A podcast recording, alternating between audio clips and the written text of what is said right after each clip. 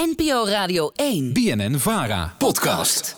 Er staan uh, in de tussentijd heel wat uh, nieuwe kandidaten te trappelen om de Kamer in te gaan. Uh, om dus het verschil te maken.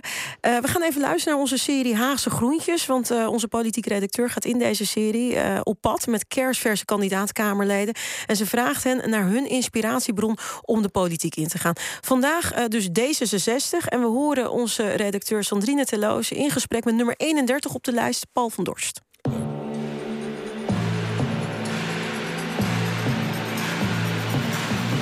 Haagse Groentjes.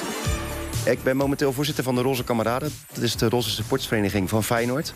Waarbij we ons echt hard maken voor LBT-acceptatie binnen het voetbal. En ik heb mijn eigen sportschool waarbij ik me heel erg inzet om mensen fitter te maken en weer gezonder te maken. Dit is Paul van Dorst, de nummer 31 op de lijst van D66. We spreken elkaar voor de ingang van de Tweede Kamer. Ja, ik zie mezelf eigenlijk wel zitten, ja. Ik denk, uh, denk wel dat het kan gaan wennen. Dat is denk ik ook een van de redenen waarom ik überhaupt heb gekandideerd. Als ik dat niet had zien zitten, had ik het ook niet gedaan. We gaan naar je politieke voorbeeld, zoals wij dat dan hebben genoemd in deze serie. Wat bewonder je in hem? Ik denk dat ik, als ik dat heel persoonlijk trek, echt wat een stukje activisme uh, is. En dat eigenlijk doortrek. Dus echt wel vast blijven houden aan, die, aan je idealen, ondanks dat je tegenslag krijgt. Um, toch echt wel die vol, volhardendheid um, en dat geloven in die progressieve wereld. Paul heeft het hier over Boris Dietrich. De politicus zat jarenlang voor D66 in de Tweede Kamer en is sinds 2019 lid van de Eerste Kamer. Na een winderige wandeling ontmoeten we hem iets verderop in een café. Hier, ga lekker zitten. Uh, laten we beginnen met koffie. Ja. Terug naar die vastberadenheid die Paul zo inspireerde. Ik geloof dat hij heel veel jaar mee bezig is geweest om het homohuwelijk in te voeren vanaf 1994. En het is pas in 19, of 2001 is doorgevoerd. Ja, het was een debat van vele uren, maar de uitkomst stond eigenlijk al van tevoren vast. Voor de een was het een mijlpaal in de gelijkberechtiging van homo's... en voor de ander was het een aantasting van een goddelijke instelling... die alleen bedoeld was om het levensverbond te sluiten tussen man en vrouw. Meneer Cohen, heeft u ook het gevoel dat het een historisch debat was deze week? Ja, dat gevoel had ik ook, zeker. Um, heeft in die reis best wel tegenstand meegemaakt...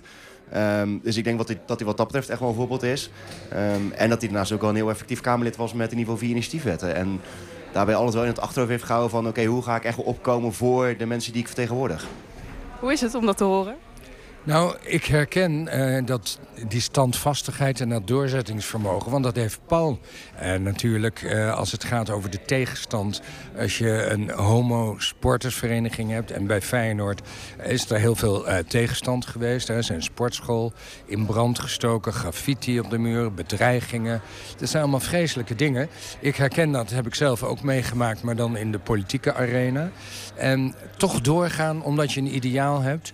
Wat uiteindelijk de samenleving verder vooruit helpt. Dus ik, ja, daarom voel ik heel veel verwantschap met hem. Herkent u ook iets in, van uzelf van toen u de politiek in wilde gaan? Ja, want je weet totaal niet waar je aan begint. zeg ik meteen maar tegen ja, hem. ja. Dus je denkt, oh, politiek leuk, interessant, ga ik doen. Maar uh, ja, de verhalen die daarachter zitten, het harde werken... het uh, lange dagen maken, het stukken lezen... boze mensen die bij de Albert Heijn opeens de schuld geven... van iets wat de regering wel of niet heeft gedaan. Dat soort dingen hoor je veel minder. Hoort er ook allemaal bij.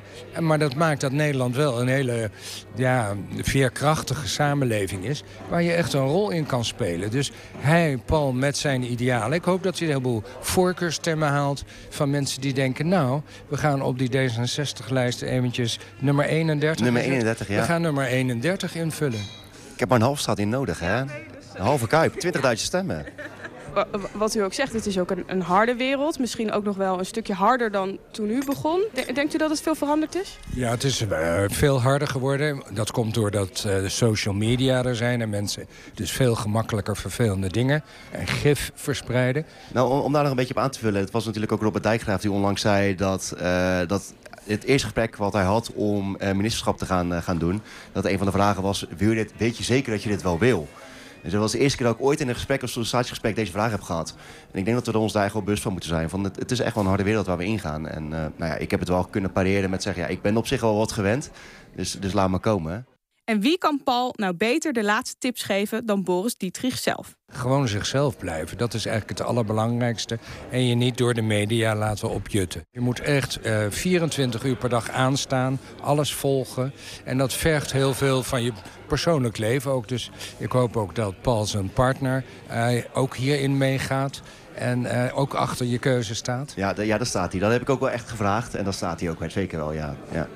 Want dat is heel belangrijk. Veel thuis ben je niet. En als je thuis bent, zit je allemaal stukken te lezen. Dus uh, het is geen gezellig uh, beroep. Dus dat moet je allemaal weten. En hoe leer je dat het snelst? Door het gewoon te doen, door in het diepe te duiken en dus jezelf te blijven. Want als je een bepaalde rol gaat spelen, dan kom je jezelf tegen. Ja, we hoorden het. Paul van Dorst, kandidaat Kamerlid voor D66... over zijn inspiratiebron Boris Dietrich... die dus opkwam voor homorechten.